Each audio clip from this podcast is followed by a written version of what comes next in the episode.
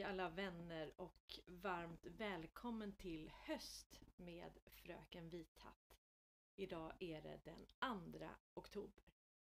Nu testar jag lite nytt ljud här för hundrade gången så att eh, jag hoppas att ni hör mig bra. Annars får jag återgå till min andra setup som jag har haft. Ja hörni, jag hoppas att ni eh, lyssnade på intervjun igår med eh,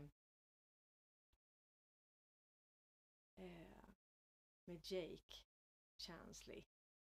Och eh, det var väldigt intressant faktiskt. Dåligt ljud ja. ja. Jag förstod det. Då gör vi så här.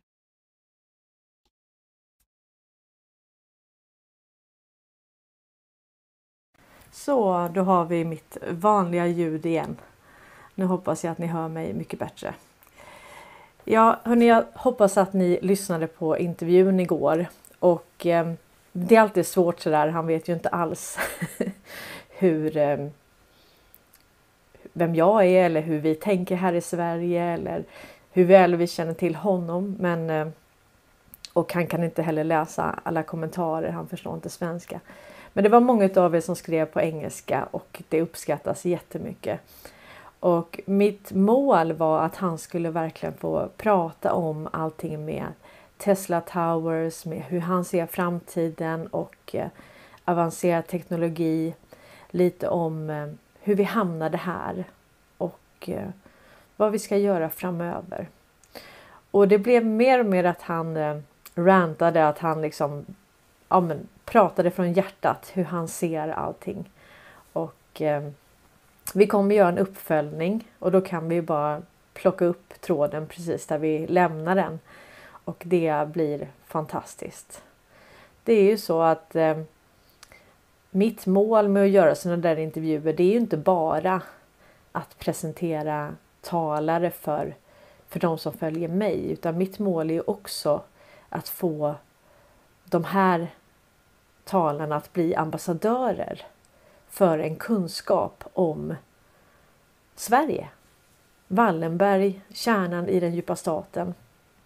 Så det är självklart att man vill att eh, gästen ska prata 90 procent. men samtidigt så vill jag också att de ska börja tänka sätta Sverige på kartan helt enkelt. Det känns jätteviktigt för mig.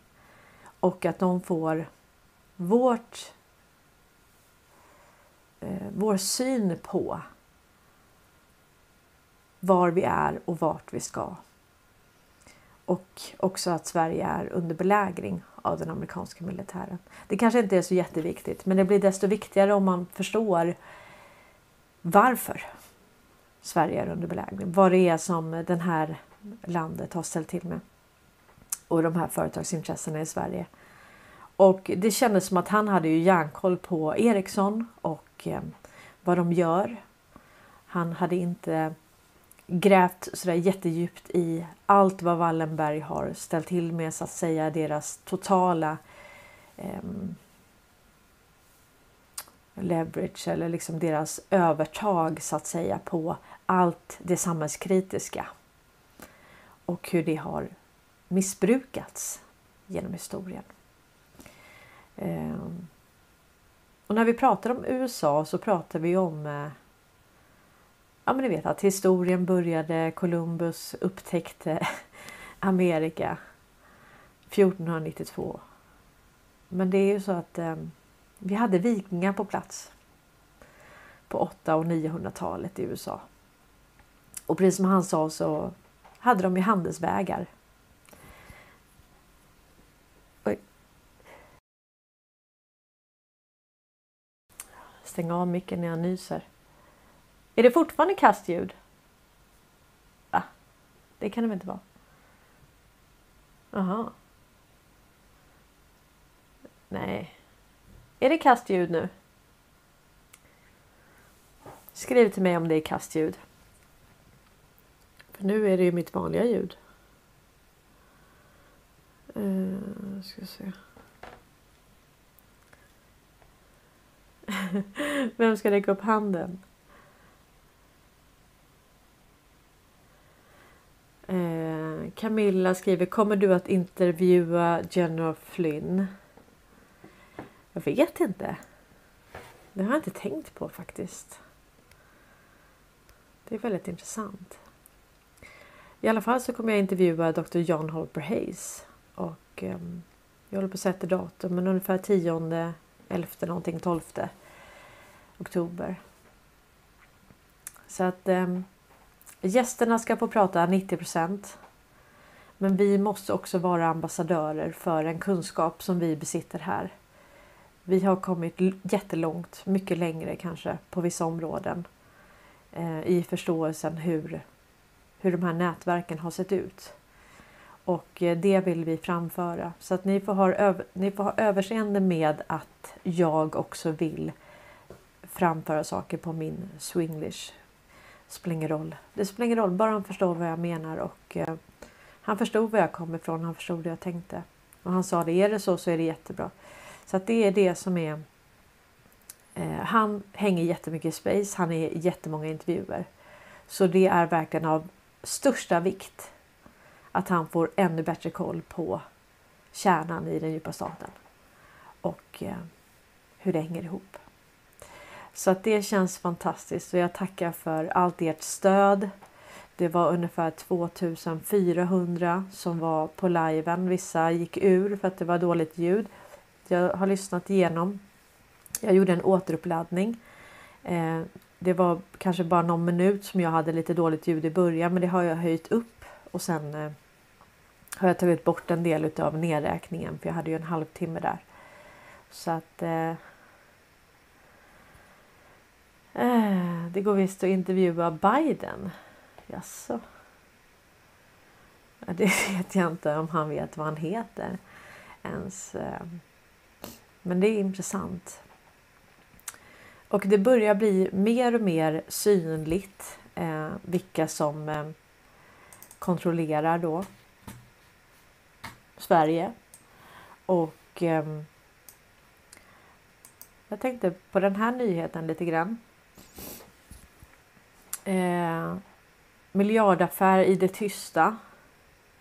Amerikansk jätte köper svenska mobilmaster. Och det är då tre. Då var det någon som skrev att ja, men Wallenberg äger bara 40% av tre. Eh, tre är ju inte börsnoterat. Eh, och eh, sist jag kollade, det är faktiskt, jag hittar inte tre alls på deras hemsida nu.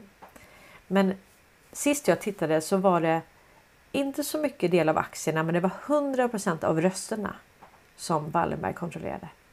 Så att om ni tittar på de innehav som de har som är onoterat så kan det vara ett delat ägande med andra. Men de har 100% av rösterna, det vill säga de släpper aldrig ifrån sig kontrollen. Och så har de jobbat också med eh, preferensaktier. Eh, så att när man tittar på en lista så är det. Ja, det, det är inte hela sanningen. Det kan också ligga eh, rätt att köpa tillbaka aktier. Som så, det, det ligger som en filt över att du kan vara ägare, men är det så att du gör någonting så har vi full rätt att köpa tillbaka de här aktierna eh, och så redan för en satt summa. Så att det här är mycket bröd och skådespel kring hur Wallenberg har lagt upp sin eh, sitt ägande och framförallt då sin kontroll. Eh, och då är det någon som tycker att ah, men det här är ju jättenegativt. Nej, men jag tror faktiskt att det här hörni, det här kan vara ett resultat av Oskar Stenström. Ni vet han som är eh, tjänstledig från ut, utrikesdepartementet och har fått ett toppjobb hos Wallenberg. Okej, okay. han är alltså. Han får ett toppjobb med säkerligen bättre betalt än sin statliga tjänst. Okej, okay. Och då väljer han att eh, ha lite hängsle och livrem så att han, han är bara tjänstledig. Jag tror att det här har att göra med eh, kontinuitetsregeringen.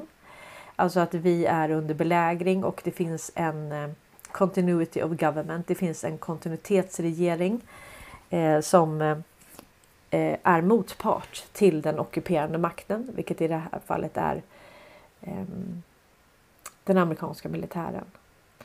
Och ehm, det här tyder på att man tappar kontrollen.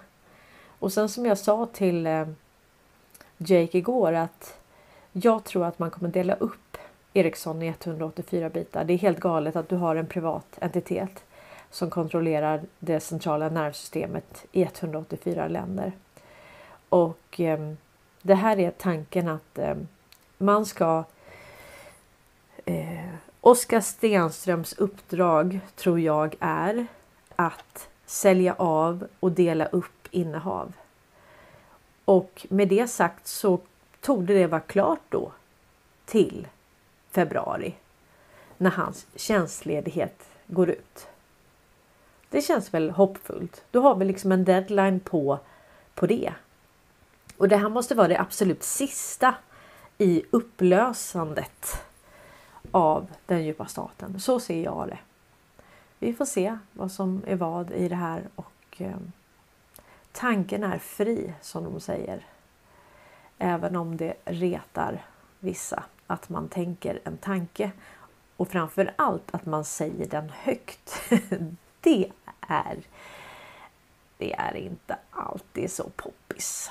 Nej, men nu är vi ju inte här för att vara populära utan vi är ju här för att rädda vårt land och vår värld från den här cracken. Den här korrupta eh,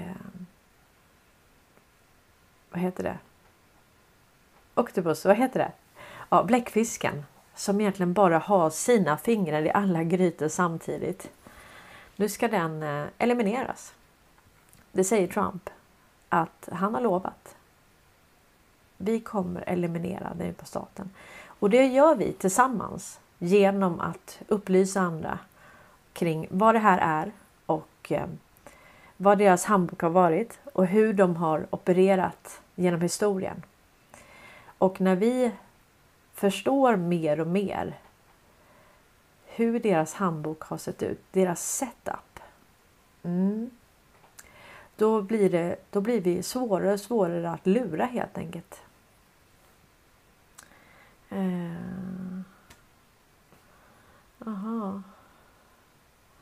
Ja, ni svarar där i tråden. Det var någon inne som eh, hade lite annan syn på saker och ting. Och det får man ha. Man får, man får tycka och tro vad man vill. Eh, jag berättar vad jag tror i den här kanalen och det får jag också. Det får jag också göra. Eh, och nu, nu, är det ju så här, jag vet inte varför de hamnar där men eh,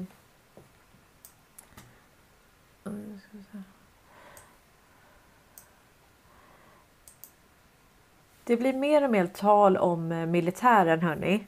Och eh, nu är det så att eh, Försvarsmakten har ju fått frågan om att hjälpa polisen eller tvärtom.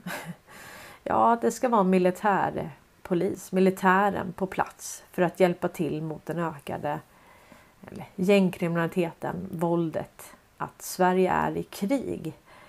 Och eh, då säger Försvarsmakten att de har inte resurser. Nej men det är inte konstigt. Var det inte nyligen som man fick lämna in sin termos och sina kängor till, eh, till Försvarsmakten? De hade sån insamling liksom. Typ. Och Försvarsmakten ställer sig frågande till hur ett utökat skydd till polisen ska genomföras, rapporterar SvD. Alltså det är jättebra att de helt offentligt går ut med att de inte förstår varandra. För då är det ju tecken på att då förstår ju vi svenskar ännu mer. Om inte ens polis, eh, regeringen och militären vet hur det här ska genomföras. Då, och de gör det öppet. Det känns ju väldigt förtroendeingivande. Tycker ni inte? Som omvärldsutvecklingen ser ut just nu så har vi inte resurser över. Nej, vad gör ni egentligen?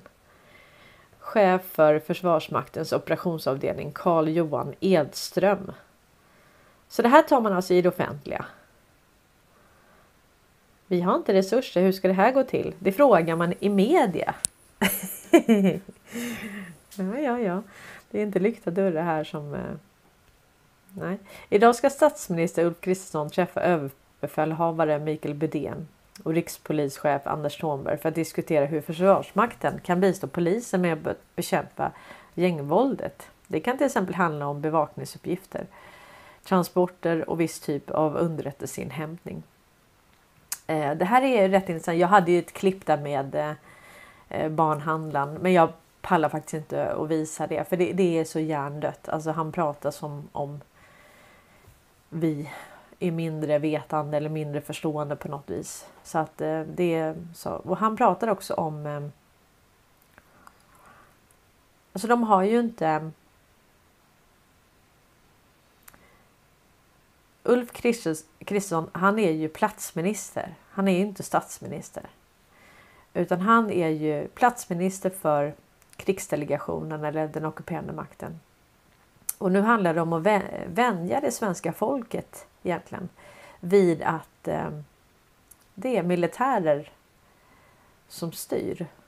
Så att eh, det här känns som att det här är bara steget innan åberopandet av proposition 74. Och eh, ja, där man öppet går ut och säger att Sverige är under belägring. Och har varit så under en längre tid. Vet inte. Sen 2017 kanske, 2018, det vet vi inte. Vi vet inte datumet.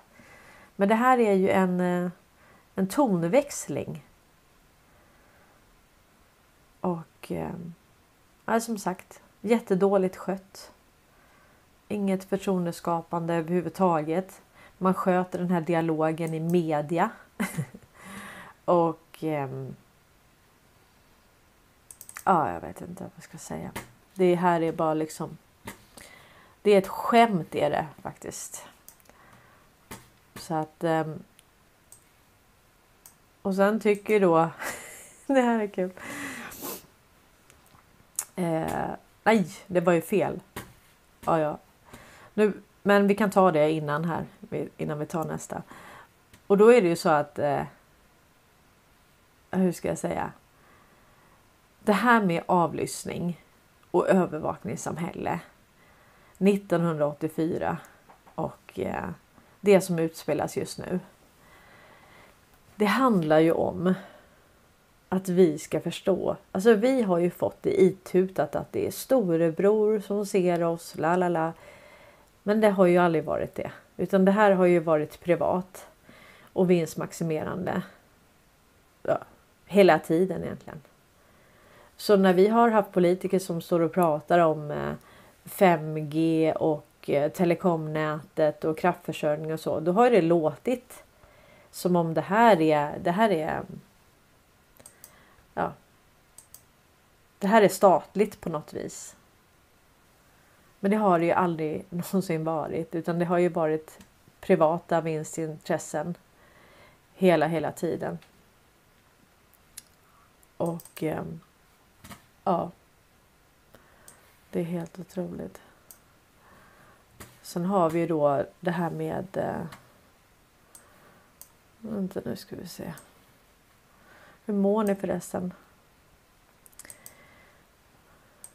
Jag mår ju sådär. Det vet ni.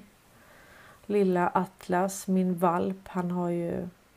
Han har en förkärlek till eh, Atlas har en förkärlek till strumpor. Och eh, vi plockar undan hela tiden men nu har han tydligen varit i torktumlaren. Eh, alltså luckan öppnas när den är färdig och eh, ja. Den satte sig helt fel så att han har opererat, Det var jättekritiskt men han lever. Och jag kanske får ett samtal snart för de kommer ge status. Så att vi får bara skicka alla böner, allt ljus. Tänk att en liten valp kan eh, betyda så mycket för en. Rock my world liksom. Atlas. Mm. Men eh, vi kämpar på och jag när jag ser alla era kommentarer och eh, hur ni skickar styrkekramar, ljus, kärlek, böner så känns det som att det här det här kommer gå jättebra. Det här kommer gå bra. Och eh, Leonard Johnson skriver så här. Optiken här. Militär utegångsförbud. Men bara i undantagsfall. Jomshof. Eh, Sverige är sargat. Överväg utegångsförbud. Sänk straffåldern till 13. Överväg utegångsförbud och få fler invandrare att lämna Sverige. Så vill justitieutskottets ordförande Richard Jomshof, SD, stoppa våldsvågen. Vårt land är sargat. Ska vi ha någon chans att vända utvecklingen måste vi också prata om återvandring. Ja, vi kan prata om återvandring, absolut. Men så länge reglerna ser ut som de gör i det svenska rättssystemet så är det inte lätt att genomföra en återvandring. Det fattar jag också. Så det handlar om det svenska rättssystemet. Men du kan inte skicka ut folk som har bott här liksom. Säg att du skickar ut en 20-åring, 25-åring som kom själv. Och kanske har bott här i 5-10 år. Vi bara säger det.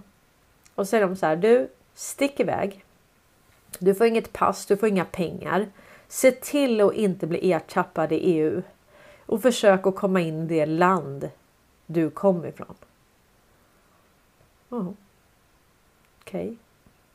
Det är ju mänskligt värre och väldigt genomförbart. För är det så att de blir ertappade av polis i någon av de här länderna i EU, ja då blir de bara tillbaka skickade hit. Ja, jag vet inte, hade man inte kunnat ordna transporter, hade man inte kunnat ordna med diplomatiska relationer till de länderna. Prata med Syrien, Afghanistan och de här, alltså en organiserad human återvandring. Alltså de kan ju inte komma dit och inte kunna. Antingen lever de under jord här då eller så lever de under jord där då. Om de nu kommer in. Eller om de kan smita in.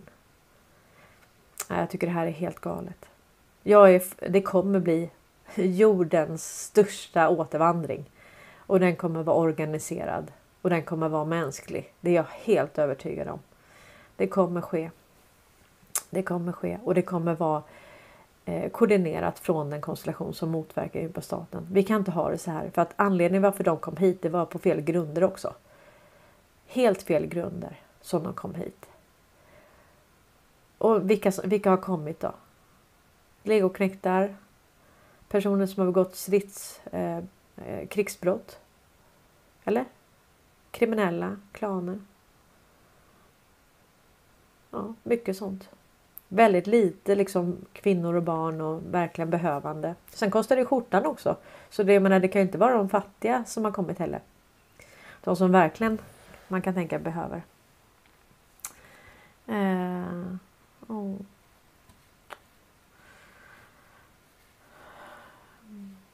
Ja. All kärlek. Åh, oh, ni, ni är så fina. Eh.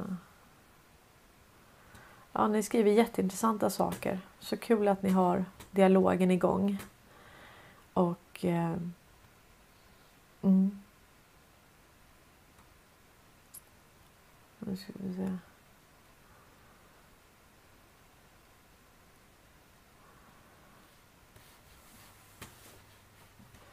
Ja, det är klart att man kan... Eh,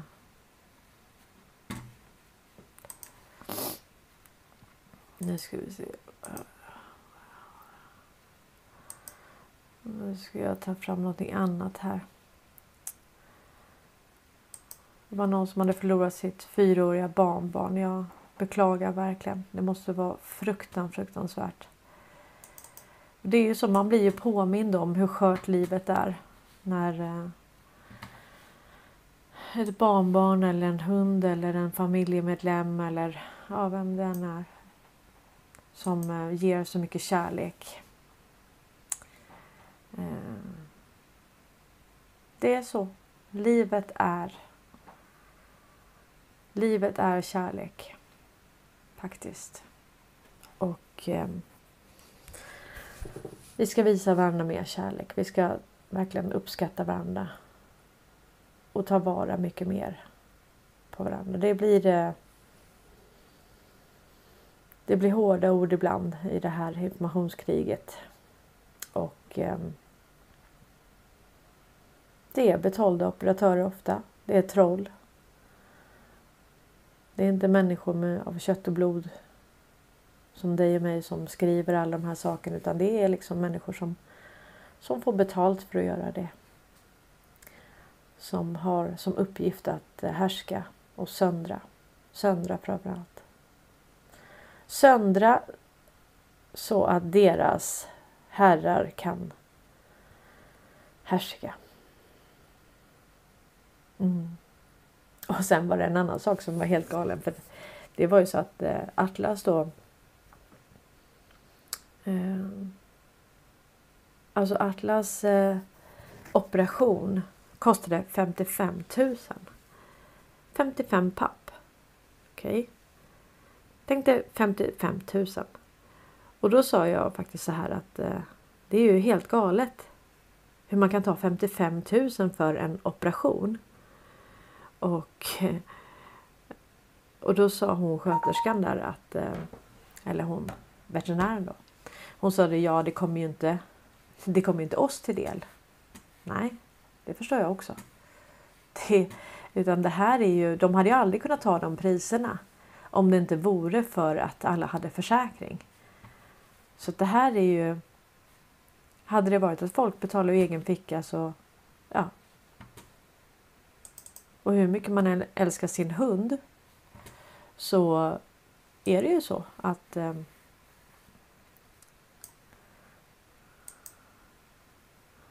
eh, här är han faktiskt. Tänkte jag skulle. Här är Atlas. Världens finaste hund. Men eh, 55 000 skulle operationen kosta. Och eh, det här hade aldrig någonsin fungerat om det inte var så att vi hade försäkringsbolag som gick in och täckte för det här. Och eh, veterinärerna då, de får ju inte de pengarna såklart. Utan det här är vinstmaximeringsintressen och då slår man på det som alla har kär, alltså sina husdjur. Men hur många skulle ha råd att betala 55 000 ur egen ficka? Det är inte många. Så att det här är helt galet. Eh, nu släpper vi det. Men eh, det är i alla fall korruption. Alltså det där blir, det är ju väldigt lätt att tvätta pengar såklart genom det där systemet. Det säger sig självt ju. Helt otroligt. Eh, ännu mer exponering här. NATO-experter varnar för att svensk medlemskap lär dröja. Kan ta tio år. Så de som har gått runt och varit lite oroliga för ja, men kriminaliteten i Sverige. Då får vi både veta att nej, men Nato kommer inte hjälpa oss på minst tio år och eh, Försvarsmakten kan hjälpa till. Nej just det, det kan de inte för de samlar in termosar och eh, kängor och har ingen kapacitet enligt dem själva. Och det här går de ut öppet i media och pratar med varandra om. Så att eh, alla ska känna sig väldigt lugna och känna att det här har de järnkoll på. Absolut. Och då står det inför att Turkiets parlament på söndagen öppnar igen finns det stor osä osäkerhet kring den svenska NATO-godkännandet. Trots president Erdogans löfte från toppmötet i Vilnius. Ja, men nu kanske man ångrar sig då hur man har gått runt och pratat om Ungern och Turkiet. För helt plötsligt så behöver man dem. Jaha, varför var man så kaxig innan då? Eller? Man, man gick runt och var kaxig och menade på att det där är ingen, det där är ingen eh, demokrati. Vilket det kanske inte är för att jag menar Sverige är ju också en monarki så har du en president så är det väl en republik i och för sig men Ja men då menar på att de är diktatorer. Och, och vi minsann vi har eh, demokrati och det fantastiska ekonomiska systemet och den fantastiska välfärden. Så att eh, mm. Mm. Ja, ni är med. Optiken är tydlig. Eh, Ja, det, det var någon som skrev att ehm, det här med försäkringar. Jag menar, jag har försäkrat Atlas. Och för att jag ska kunna försäkra Atlas så måste jag vaccinera och chippa Atlas. Och det vet jag att flera av er här i tråden inte har gjort. Eller jag vet i alla fall någon. Och eh, Jag förstår att man eh, kanske väljer att inte göra det men, men det går liksom inte om du vill vara om du vill ha en försäkring så är det ju klart att eh, ja, då måste du gå den vägen helt enkelt. Och då kan man säga att eh, försäkringsbolagen de har då som krav att de är vaccinerade. Ni ser va? Så, så det här är liksom eh, de här synergieffekterna mellan läkemedelsindustrin och så här, det har redan funnits på djurområdet. Och eh, då har vi alltså både försäkringsbolag, veterinärer och de som får ha licens för det, alltså licensierade veterinärer. Och sen har vi då läkemedelsindustrin som tar fram de här vaccinen. Otroligt va? Tänk vilka synergieffekter, vilket samarbete. Och det gör de liksom på... Ja, man slår liksom på det som... Mm. Röd tråd. Ja, jag vet faktiskt inte om jag håller en röd tråd idag. Men... Eh, ja. Det gör jag nog inte. Men som sagt, optiken är glasklar. Det är mer och mer prat om militärt. Det är mer och mer tecken på att vi är en failed state.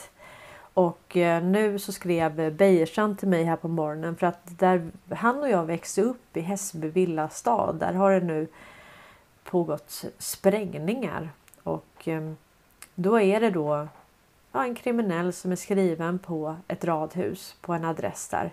Och jag är uppväxt på Sandviksvägen 101 i Hässelby villastad. Och mitt över mig, det var ju, jag hade ju, jag kunde se till den gula kiosken och sen mitt över mig var mängder med sådana träradhus. Jättefina. Så jag vet inte om det var där eller om det var lite längre bort mot eh, eh Hässelby strand. Längs med Sandviksvägen, där finns också radhus. För att eh, ja, Ulf Bergstrand är så gammal så när han växte upp så fanns det inte så mycket radhus i eh, Hässelby villastad. Så att jag vet inte vilken gata det var på men det är ändå... Ja. Det här är... Och så intervjuar man massa personer då som pratar om, eh, om de här sprängningarna och hur rädda man är och att det här är en krigszon. Och då får man tänka på att Hässelby villastad har ju varit lugnt liksom. Det har inte varit det ja, som några andra utav de områdena. Så att Eh, Och det kan ju vara då en del, alltså nu.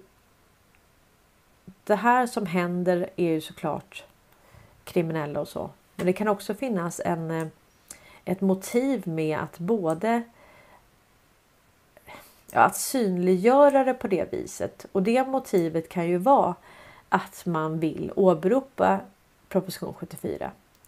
Ni vet att man skapar ett problem eller man tillåter ett problem eller man importerar ett problem och sen så då blåser man upp reaktionen så att alla ska agera med känslor och känna jättemycket och sen kommer man med lösningen. Det är bara det att den lösningen, den här kedjan som den djupa staten tidigare har använt för härska genom söndring. Den används ju nu omvänt av den ockuperande makten och eh, den konstellation som motverkar den djupa staten. Så att nu är ju tanken att vi ska förstå för att det kanske har varit väldigt mycket som har hänt innan men som inte har rapporterats. Så kan det också vara. Om man nu inte vill eh, framstå i dålig dager så att säga. Så att um, mm. Och sen apropå det här med eh, Kanske hyresvärden.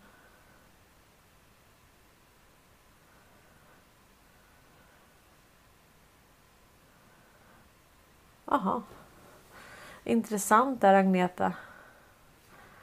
Jag trodde inte att det gick att eh, försäkra utan vaccinering. Och det är också sådär, alltså tänk att djur måste då, de måste vara Ja. De måste vara vaccinerade för att ens kunna leva liksom. Och det där har vi, också blivit itutade då att eh, eh, ja, vi har blivit itutade att eh,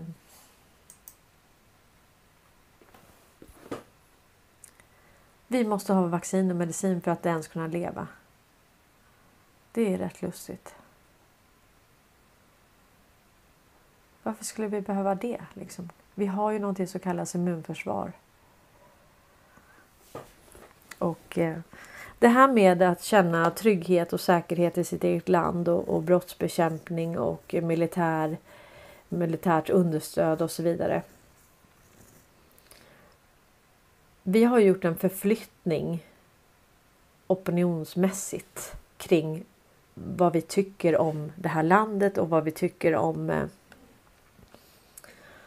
eh, tryggheten i det här landet och om vi tycker att eh, de styrande eller de som de säger styr det här landet, alltså det vill säga politiker, att de gör ett bra jobb. Nu har vi alltså enligt en undersökning här 57 procent som tycker att regeringen sköter sitt arbete mycket dåligt. Och eh, då är det störst när det gäller brottsbekämpning och kriminalitet. 70 procent uppger att, de, att regeringen gör ett mycket dåligt jobb. Eh, vi ska lyssna på ett litet kort klipp här om, eh, som kom idag då om det här. Så det handlar ju om att har man opinionen med sig så kan man göra precis vad man vill. Har man den emot sig så kan man inte göra någonting. Och eh, tanken är ju att förflytta opinionen tror jag Alltså jag tror att tanken är att förflytta opinionen så pass mycket så att folk tycker att nej, det här fungerar inte längre. Vi är en failed state och vi behöver åberopa proposition 74. Vi behöver understöd utifrån. Och eh, vi får se vilka det är som nappar på det. Eh, vi vet ju att den amerikanska militären redan är här och är det, vi redan är under belägring. Men det hade varit väldigt kul om det här utspelas som att det är någon annan att Sverige ber ja, men till exempel Ryssland om understöd. Det hade varit lite kul också. Då kanske man hade fått bort den här ryssfobin också. Jag vet inte.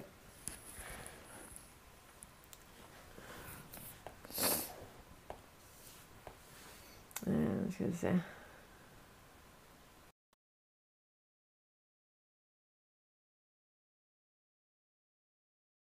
En majoritet, 57 procent, tycker att regeringen sköter sitt arbete ganska eller mycket dåligt. Det visar väljarbarometern som Indikator Opinion gör på uppdrag av Ekot. Och missnöjet är störst när det gäller brottsbekämpning och kriminalitet, säger Per Oleskog Tryggvason, opinionschef på Indikator. Det är ju problematiskt för regeringens del att väljarna ger klart sämst betyg på det här området när det kommer till just brottslighet och kriminalitet. Här är det bara var fjärde väljare, eller 26 procent, som tycker att regeringen gör ett ganska eller mycket bra jobb. Av de tillfrågade så uppger 70 procent att regeringen gör ett ganska eller mycket dåligt jobb med brottsbekämpning och kriminalitet. En fråga som vanligtvis Moderaterna brukar ha högt förtroende i. I fråga om den svenska ekonomin och klimat och miljö så tycker 59 procent att regeringen gör ett ganska eller mycket dåligt jobb. Undersökningen som Indikator gör på uppdrag av Ekot genomfördes under de tre första veckorna i september. Och bryter vi ner siffrorna för de olika frågorna så är det inte mer än mellan 3 och 7 procent av de tillfrågade som tycker att regeringen gör ett mycket bra jobb.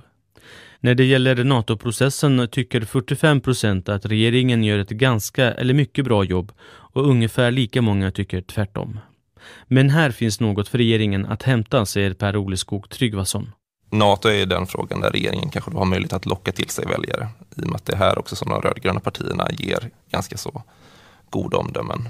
Men det som är lite problematiskt för Kristersson här är ju att man inte har frågan helt i egna händer utan man är ju beroende på vad som händer i Turkiet och i Ungern. Hur viktigt är det då för en regering att ha högt förtroende? Ja, det är eh, jätteviktigt att bygga förtroende i frågor som man själv har profilerat sig hårt i och frågor som dominerar den mediala dagordningen. Ekot Hiva Abdelsade.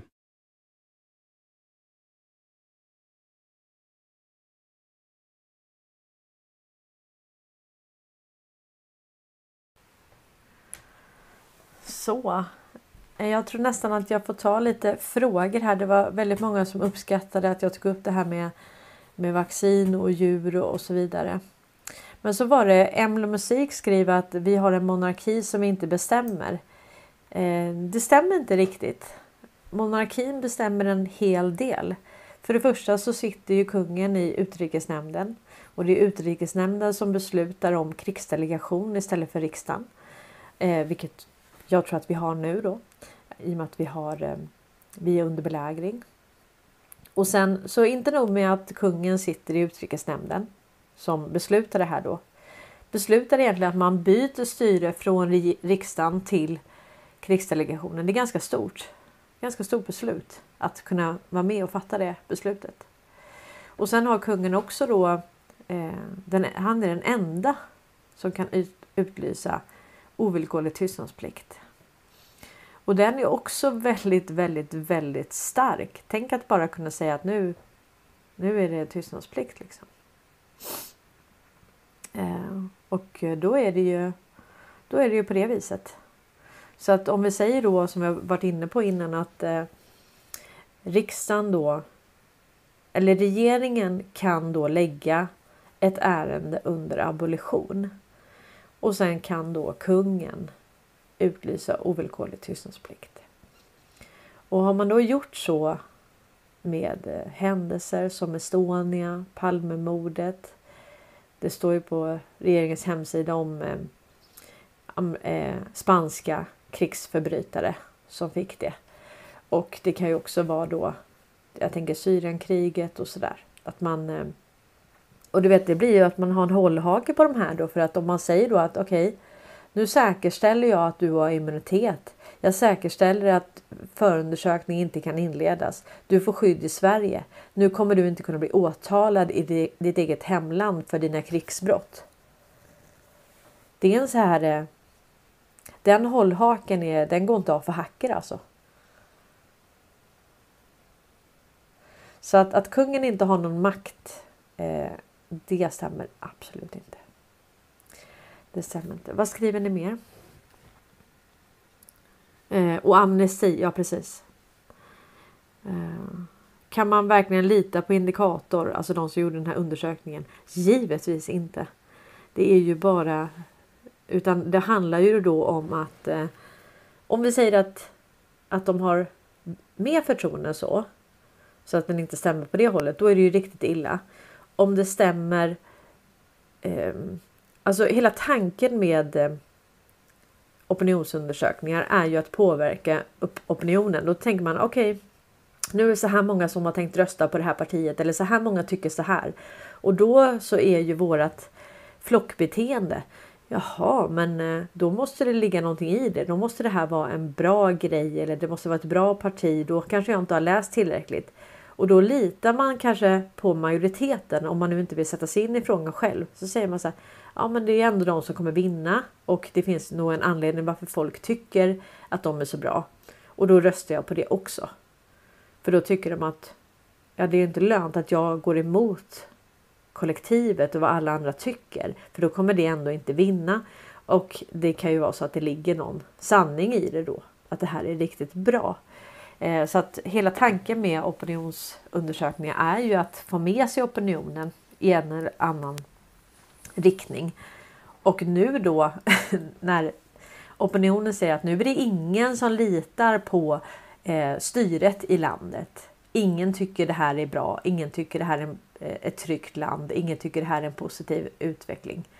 Ja, då får det fler att också börja tänka i de termerna. För hela tanken är att man ska tänka i de termerna så att man med fullt stöd eller så nära fullt stöd som möjligt kan åberopa proposition 74, det vill säga ta hjälp från utlandet för att lösa den här konflikten. Och är det då så att den svenska militären inte har resurser, ja då får man väl ta någon annan militär då som har resurser, till exempel som den amerikanska, så vilket som naturligt nog och väldigt smidigt nog redan är på plats.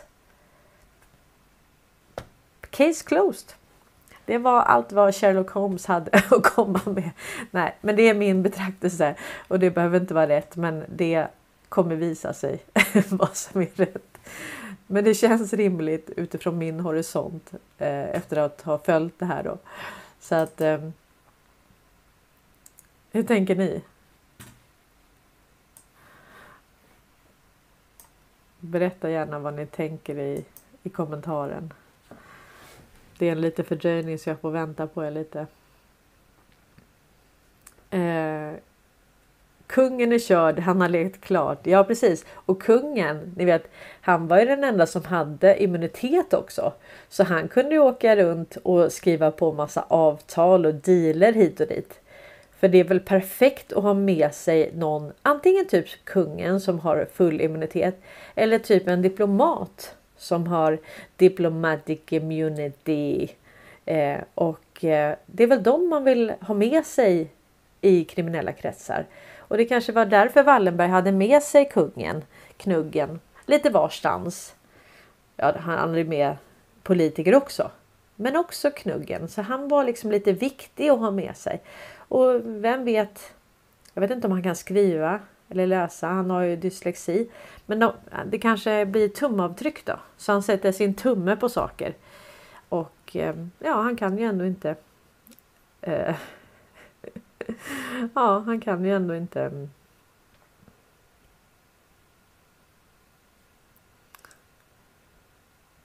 vad skriver ni här? För min del ök önskar jag Putins hjälp. Ja, Pirjo. Det önskar jag också. Det hade varit jättekul. Ja. Ja. Det här är... Och apropå det här med att eh, hur korruption och hur...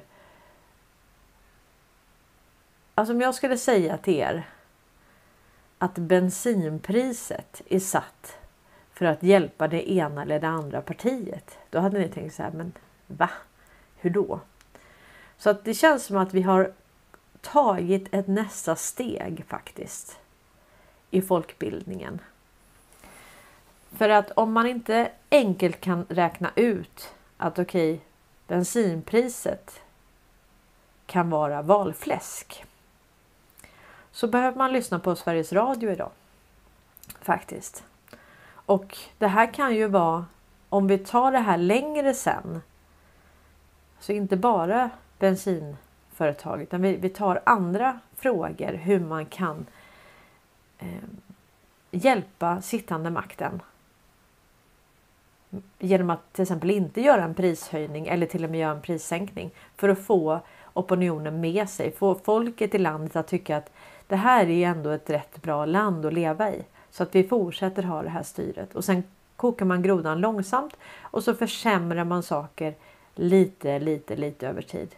Men när jag lyssnade på det här i morse så tänkte jag att det här är hmm, det här är ett nästa steg faktiskt i folkbildningen. Jätteintressant.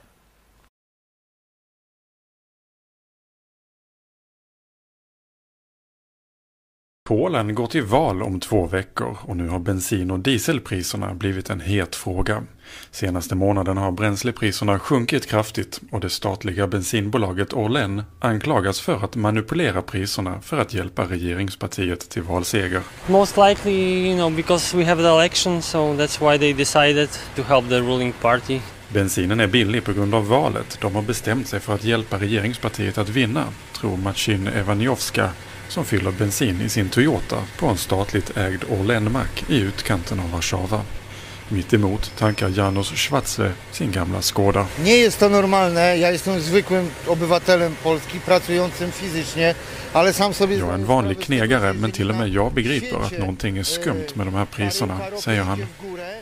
Den statliga energijätten Orlen dominerar den polska drivmedelsmarknaden och trots att polska slottin försvagats och bränslepriserna stigit i omvärlden så har de polska priserna gått åt andra hållet.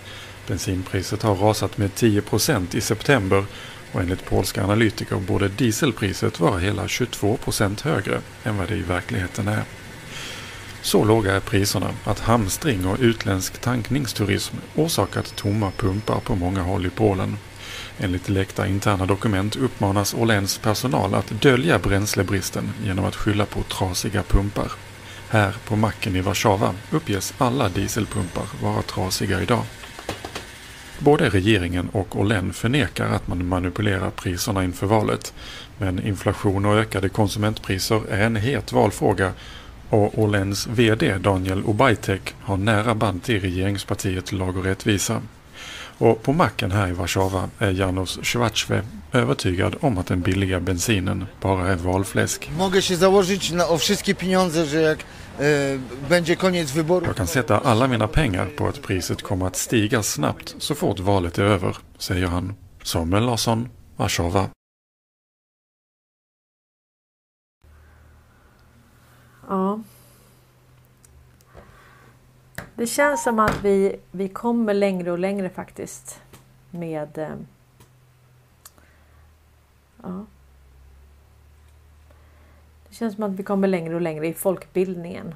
Och eh, när jag lyssnar på det här så tänker jag så här att det här... Om man är vinstmaximerande företagsintressen som lobbar in personer i maktpositioner för att facilitera deras verksamhet, genom, göra den möjlig via både politiken, lagarna eller policies och rättssystemet. Då hade jag nog eh, velat eh, sitta på väldigt många stolar och kunna påverka så här. Och man ser hur enkelt det går att eh, eh, att ändra opinionen åt andra hållet. Att få folk att känna sig att må dåligt, att bli fattiga, att känna stress, att känna oro, att känna att man kan kastas ut från samhället, att känna att tryggheten bara kan tas ifrån en. Så att eh, det här är ett maktmedel som de har använt och eh, jag tänkte lite på det som eh, Jake var inne på idag. Eller igår. Och det var det här med... Eh, men han sa det, men hur kan man tillåta att det bara kommer in massa illegala invandrare? Och jag hade faktiskt samma diskussion med Charlie eh, om det. Alltså han tyckte också, men, men, hur kan det komma sig och hur kan det komma sig att det flödar in knark och hur kan det finnas human trafficking och så? Och, och jag tänker så här. Eh, jag, jag, tänker så här att om man ska kunna bygga en stabil grund. Man ska liksom kunna göra om det här. För att hela systemet har ju byggt på att möjliggöra för de här företagsintressena att faktiskt eh, att kunna bete sig på det här viset, att kunna styra med järnhand. Så allting är uppbyggt, hela deras system och då är frågan, vad är det viktigaste att ta tag i? Är det symptomen på, på problemen? Vilket har resulterat i knark, eh, människohandel, illegal invandring och så vidare. Det är symptom på en politik, en medveten strategi. Och då är frågan, ska man, om man nu ska verkligen göra en hållbar samhällsförändring. Är det då viktigaste att man försöker få med sig opinionen för att göra de gradvisa förbättringarna? Eller är det viktigaste att direkt ta tag i eh, symptomen? Och det är väl kanske en lite ledande fråga när jag lägger, den, lägger fram den på det viset. Det fattar jag också. Men, men det är ändå så jag tänker. Att om vi ska verkligen komma till rätta med det här samhällsbygget som de här företagsintressena som har samverkat och gjort sig rikare på alla andras bekostnad. Om man ska verkligen förändra det så tror jag att man... Eh, det finns så många områden. Det finns så många symptom att hugga tag i.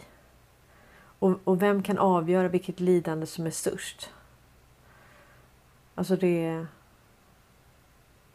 Är det, är det felmedicinering? Är det eh, liksom, droger? Är det läkemedelsindustrin?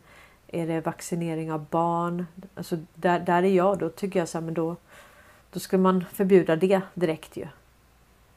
Och sen har vi då... Alltså det är så många symptom va. Så att... Eh, jag tror att vissa symptom...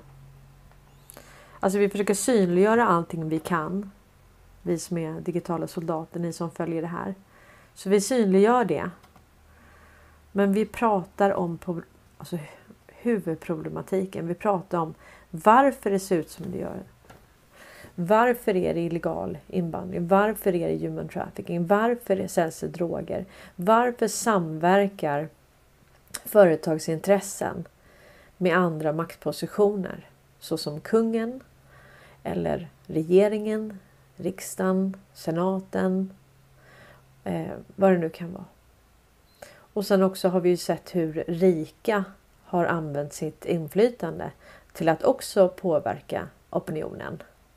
Det är också ett faktum ju. Så att, ehm, och där är det ju många som drar ett jättelass faktiskt. Och eh, jag tänkte faktiskt på en bild här med eh,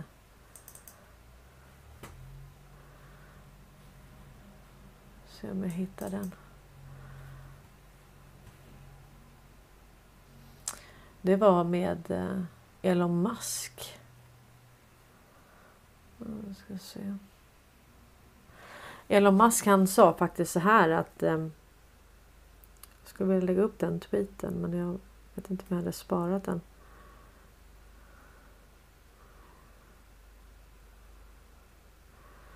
Jag sparar nog inte den. Jag ska lägga upp den eh, sen. Men han försöker ju verkligen, Elon Musk försöker ju verkligen påverka opinionen i rätt riktning nu. Han eh, menar på det att eh, Jo, den var så himla dum. Vad var det han sa? Eh, jag måste se om jag hittar den här för det, alltså, den var så rolig. Det handlade om det här med uh, Jo, här hittar jag. Jag hittar den. Jag ska bara lägga över den här. Vi har tid. Ja, nu ska ni få se. Och det här är ett sätt att, att påverka opinionen faktiskt. Det han gör här. Oj.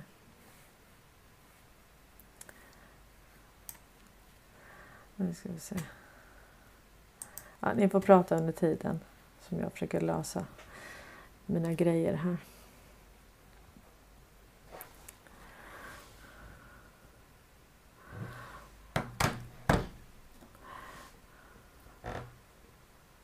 Då står det faktiskt så här. Tänk dig att du har ett vaccin som är så säkert så att du måste bli hotad för att ta det. Mot ett, en sjukdom som är så dödlig att du måste testa dig för att veta om du har det. Och det här är ju ett sätt från Elon Musks sida att påverka opinionen. Att tänka till lite. Vad är det egentligen vi ser framför oss? Vad är det vi har eh, blivit utsatta för i, eh, i det här folkbildningsprojektet? Och vad är det så, som gör att så många har rusat med känslor och inte tänkt logiskt på det här. Vi är bara rädda. Och det har vi ju sett alltså hur vi har man har skrikit på varandra och eh, man har blivit osams. Och eh, ja, man eh, det här har splittrat verkligen splittrat familjer och och egentligen är det helt galet hur vi, hur vi kunde hamna här att vi, att vi gick på en sån här sak. Det är faktiskt eh, helt, helt galet. Vi ska se. Och sen säger nu eh, polismästaren här att eh, jag får inte upp bilden. Ge mig en sekund bara.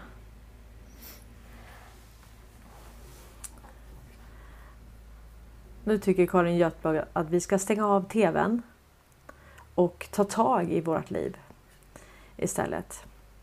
Och ehm, ja, då får vi väl göra det. Vi får stänga av TVn, börja lyssna på varandra, börja diskutera på horisontalplanet, börja hänga på eh, live som den här eller hänga i space där vi kan utbyta tankar och idéer. Och eh, jag rekommenderar faktiskt eh, jag har ju då Space tillsammans med Twittergänget på tisdagar och torsdagar. Och sen är det ju de här historiespacen och hälsospacen. Och det vore väldigt kul om fler kunde skapa ett sånt eh, eh, Twitterkonto och faktiskt vara med och diskutera de här frågorna. För att vi behöver diskutera med varandra och vi behöver verkligen ja, vi behöver eh, hitta ett sätt att kommunicera med varandra faktiskt. Och det tycker jag känns eh, jättekul. Och sen är ju då frågan Frågan är ju så här att om det nu är så att eh, fler intelligenta vaccinerade sig mot corona. Otroligt starkt samband. Nu, ny studie visar samband mellan vaccinering och högt IQ. Och då är det så här, då tänker jag så här. Att om det här är att ha högt IQ. Då vill jag inte ha det. Ge mig lågt IQ. Eh, jag vore väldigt tacksam om jag kunde få så lågt IQ som möjligt. Eller så handlar det om någonting annat. Och då handlar det om... Nu drar jag en jättekonstig parallell här. Jag är med på att den är jättekonstig. Men jag tänker så här. Att om det här är så att man eh, man har mätt IQ utifrån det här systemet. Inlärning, se mönster i det här systemet. Då kanske man kan säga att IQ är ett mått på medgörlighet. Jag vet inte. Jag bara slänger det ur mig. För att det är självklart, vi har ju alltid sett upp, ja ah, men han har jättehögt IQ och så. Men samtidigt så är det så här att och har man jätte, jätte, jättehögt IQ, ja men då kanske det är så att man verkligen kan tänka utanför boxen och eh, man kan eh, verkligen vara kritisk mot information och, och lita på sig själv. Men annars kan det ju vara så att IQ är bara att du är väldigt eh, väldigt bra på inlärning av programmering och medgörlighet. Så nu ska jag dra den här konstiga parallellen då och då tänker jag på så här att vi har när vi mäter ekonomin i det här systemet i olika länder. Då mäter vi utifrån att de har en statsskuld i dollar och så vidare. Och då har det blivit så att när de här länderna nu eh, ja, men, tar bort eller så avvecklar sin, betalar igen sin statsskuld i dollar och börjar handla i egen valuta. Ja, då, då blir deras kreditbetyg genast mycket lägre. Så tänk om det här är tvärtom. Tänk om det här IQ är mätt utifrån att den djupa staten har velat kunna mäta vilka som är väldigt lätta att lära, väldigt lätt manipulerade, väldigt medgörliga, väldigt flexibla i att lära sig tankemönstren i det här. Jag bara slänger ut det som en tanke så kan vi ha liksom en liten diskussion om den tanken. Och hur ni tänker.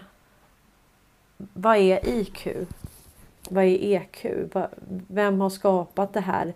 Vad är det man mäter egentligen? Men eh, ja, summan av kardemumman är ändå att eh, om det är så att det här är IQ då vill jag gärna ha noll i IQ. Och det kanske jag har. Det kanske är därför jag inte har vaccinerat mig. Vem vet, vem vet. ja, ja, ja, ja, ja. Hjärntvättade. Ja. samtidigt så är det ju en amerikansk studie som jag delade faktiskt för ja, men det var väl två år sedan. Och då visade det sig att det var precis, precis, precis tvärtom.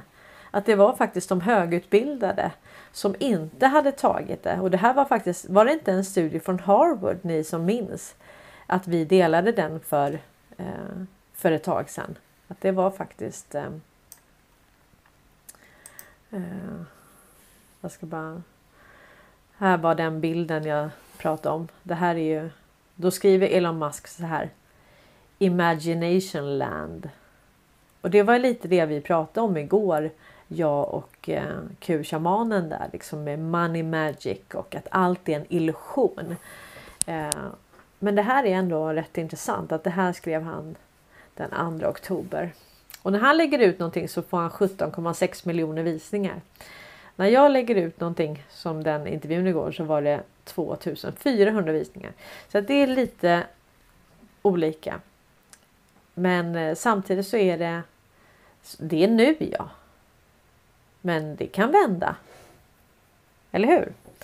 Rätt vad det är så kommer vi bli mer intressanta. We are the news now. Vi är nyheterna nu och det är vi som kommer att dominera nyheterna när det här kommer fram. Att det var faktiskt vi som hade om inte högt IQ så hade vi någonting annat. Jag vet inte. Vi kanske behöver ett nytt ord för det där. Det, det vi har.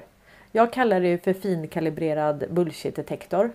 Men det finns säkert någon av er som har Eh, vi, vi, måste ju nu skapa ett eget eh, ja, ett eget lexikon helt enkelt med nya ord som förklarar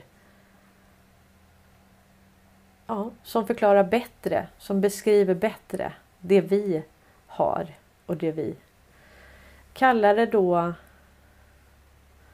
kallar det frekvenser, kallar det 5D, kallar det bullshit detektor kalla det spiritualitet, kalla det andligt. Eh, men någonting bara som ger oss en fingervisning om att det här ska vi hålla oss ifrån eller det här ska vi göra. Har ni något ord? Nu ska vi se. Vi är street smart. Ja, street smart är också ett jättebra ord. Absolut.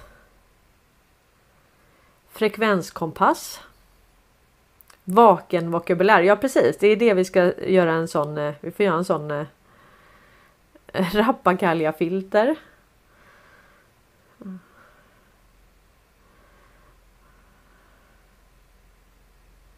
Eh, Britt-Marie Ek skriver att jag känner en som har högt IQ men han fattar nada när det handlar om... Nej precis. Jag känner också en... Jag vet inte hur högt IQ han har men jag har, aldrig betrakt, jag har alltid betraktat honom som väldigt, väldigt, väldigt smart. Och tyvärr så har jag fått omvärdera det. Jag tänkte att han är liksom... Nu så ser jag... Alltså han är så indoktrinerad så han har ju haft både...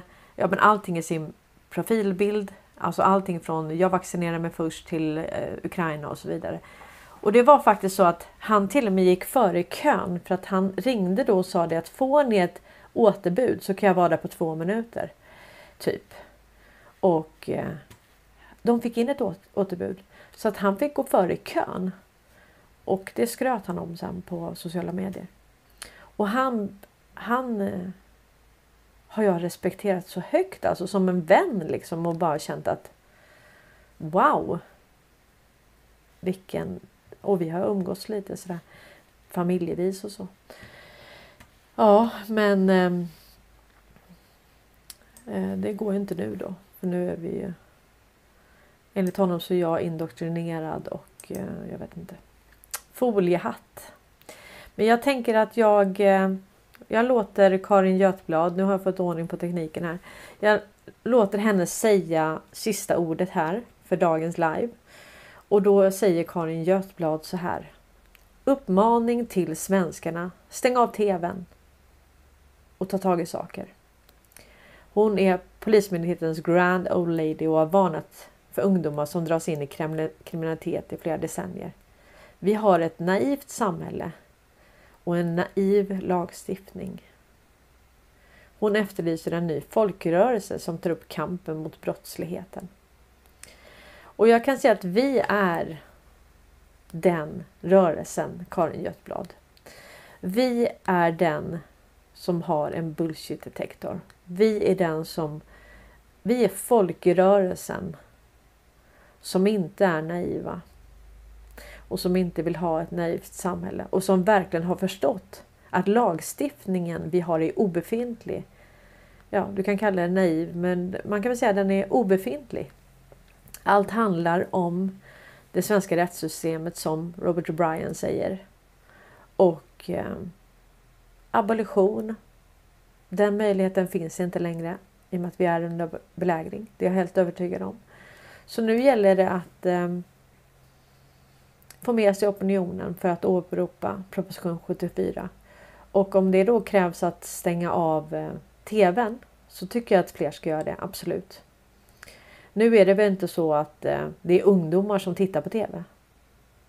De tittar faktiskt mer på den här typen, kanske inte just på mig, men tittar på Youtubers och så. De har mycket fler källor till information än vad vi andra har haft i alla fall. Och eh, vi är den folkrörelsen Karin Götblad. Vi tar tag i saker och ting. Vi har stängt av tvn. Och eh, nu ska vi få ordning på det här landet. Och vi får se när vi får förtroende att få tillbaka förmyndarskapet. I dagsläget så är vi för naiva. Vi har ett för naivt samhälle och vi har en naiv och obefintlig lagstiftning. Och det här måste vi reformera. Nu ska vi se. Jag tar några sista kommentarer från er.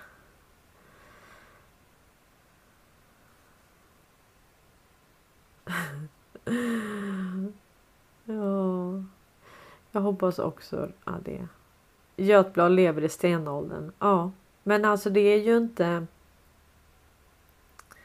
Sundell skriver det är väldigt stor skillnad på att vara smart i systemet än att vara smart utanför. Ja, det är precis så.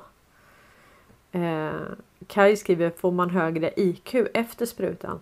Nej, Kaj, jag tror att det här var innan alltså att de som är så himla smarta. Eh, vi är de med lågt IQ som tänker själva. Alltså, jag har väldigt svårt att tro det. Alltså så smarta människor som lyssnar på det här och som skriver här i tråden. Ni är ju så Alltså ni är verkligen spjutspetsen och det är vi tillsammans som utgör den förändring vi vill se i det här samhället. Vi är motgiftet mot ett naivt samhälle och en naiv lagstiftning. Det, så enkelt är det. Ja, hörni, tack för idag. Jag hoppas också att Atlas kommer hem och eh, alldeles strax och tack för att ni ja, Tack för att ni ger mig kraft och att ni är så pålästa och kärleksfulla och intresserade av att vi ska ha ett samhälle tillsammans. Ett samhälle som bygger på att vi är tillsammans och att vi hjälper varandra. Vi har helt tappat det. Det har ju varit så identitetslöst. Jag menar, tänk om man till och med har ett ord som heter hen. Och det, det är ju det som är med det här transhumanismen och det man har ju nästan velat göra oss könslösa och eh, själlösa faktiskt. Tack för idag hörni så ses vi igen imorgon klockan 12 och sen efter imorgon på liven efter så kommer vi ha eftersnacket. Och då hoppas jag att fler utav er kommer till Twitter, X. Så skapa ett konto redan idag och eh, gå med i eh, Spacet och eh, bidra med era tankar och er research och ert hjärta. Det är jättehärligt. Ha det gott nu allihopa. All kärlek till er.